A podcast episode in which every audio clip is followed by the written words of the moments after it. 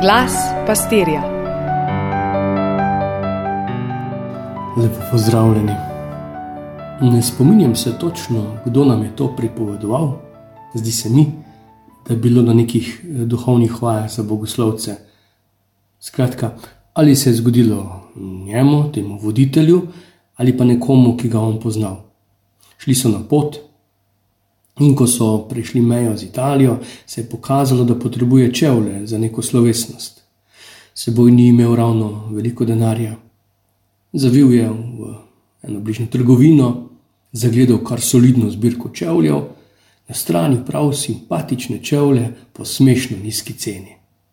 Trgovka mu je nekaj poskušala razložiti, on pa si s tem ni dal kaj dosti opravka. Čevlje je veselo kupil in si jih kmalo obul. Presenečen je bil, kako lahki so bili. Kmalo je razumel, zakaj je takšna cena in ta lahkotnost. Čevlji so bili namenjeni za žalne slovesnosti, ki so jih obuli pokojnikom. Bili so iz povoskanega kartona, ob nekaj korakih so razpadli. Ti nisem dobil v roke poljudno znanstveno revijo, ki je razkrivala skrivnosti Feničanov. Hitro je ta revija pritegnila mojo pozornost, upravičeno, bojevito, kulturno razvito ljudstvo eh, na prostoru izraelskega naroda. Članki so opisovali njihovo fizionomijo, sledenje njihovim DNK zapisu, njihovim podvigom, morskim popotovanjem, trgovini, vojnam, kulturi. Morda jih pod tem imenom ne prepoznamo. Če pa spregovorimo o Kanancih, pa takoj vidimo, kako močno so bili prisotni v zgodovini odrešenja Izraelcev. Tu so njihova mesta Tir, Sidon, celo Biblos. Kakšno vlogo so odigrali v svojem času, kako so vplivali na prihodnost celotnega človeštva.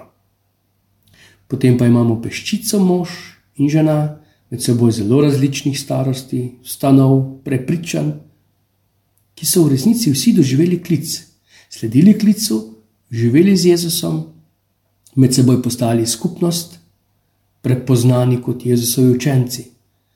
Vseeno pa se odločilna sprememba zgodi, ko so prijeli svetega duha. Zaradi tega trenutka imamo sploh pravico govoriti o cerkvi. Zato imamo pravico in željo govoriti o prvi cerkvi in si danes želeti skozi sinodo biti ta prva cerkev. Zato imamo pravico imeti in razvijati teologijo. Samo zato lahko še imamo bogoslovja in škofije in župnije. Samo zato lahko krhko v lastni veri kličemo sleherno besedo veroizpovedi. Ko pa pomislim na to, da se ali na pamet učimo, tako veroizpoved kot vse ostale molitve, da jih preverjamo, kot se preverja znanje v šoli, postajam na trenutke zmeden nemočen in hkrati jezen. Živimo v času, ko se je končno rodila solidarnost do narave, če ne celo ljubezen. Morda je to nekoč bilo samoumevno. In prikupno se je pogovarjati s kom, ki trezno krmili med temi novimi tokovi miselnosti, ki naravo častijo že skoraj po božje, kar ni sicer nič novega, in med samo kritičnostjo na tak realen način. Vsak ve, da ne bo dovolj skozi veliko panoramsko okno gledati v fitness dvorano, kjer se vsi mučijo in potijo. Zaradi tega ne bom pridobil niti kančka moči in izgubil niti grama tavšče. Ni dovolj gledati serije znanstvene fantastike v španščini, turščini, mehiščini, nemščini, avstriščini.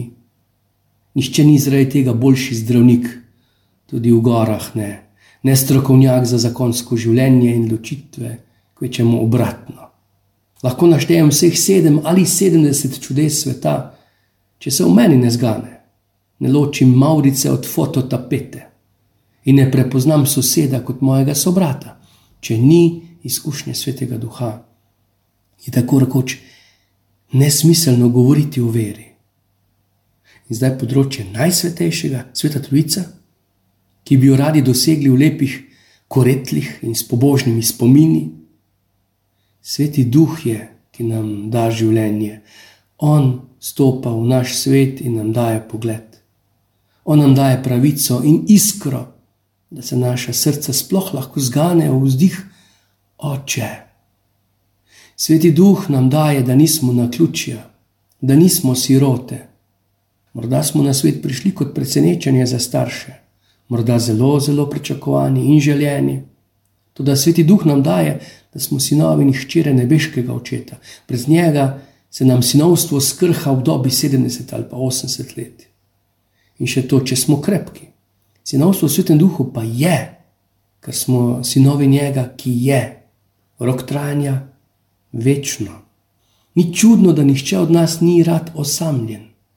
Sam, seveda, pogosto, tudi brez ljubezni.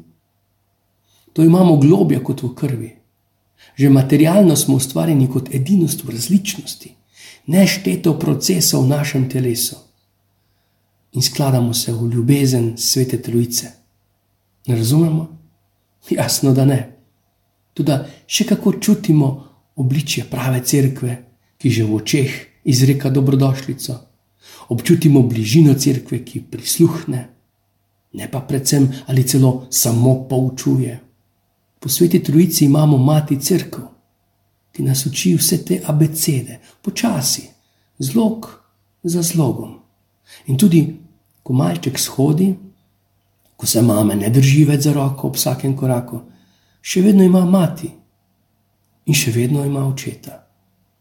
Sami smo si izmislili, da moramo za Boga biti lepi, pa čeprav v kartonastih čevljih vere, ki je že bolj podoba vraževerju.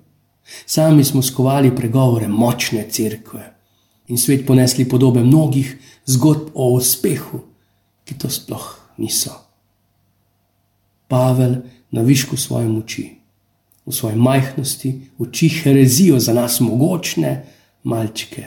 On pravi: Ponašamo se stiskami, saj vemo, da stiska rodi potrpljenje, potrpljenje preizkušenost, preizkušenost upanje. Upanje pa ne osramoti, ker je Božja ljubezen izlita v naša srca po svetem duhu, ki nam je bil dan. Pa vam želim obilje te bližine, ko smo po krstu potopljeni v ljubezen svete Trojice. Vse dobro.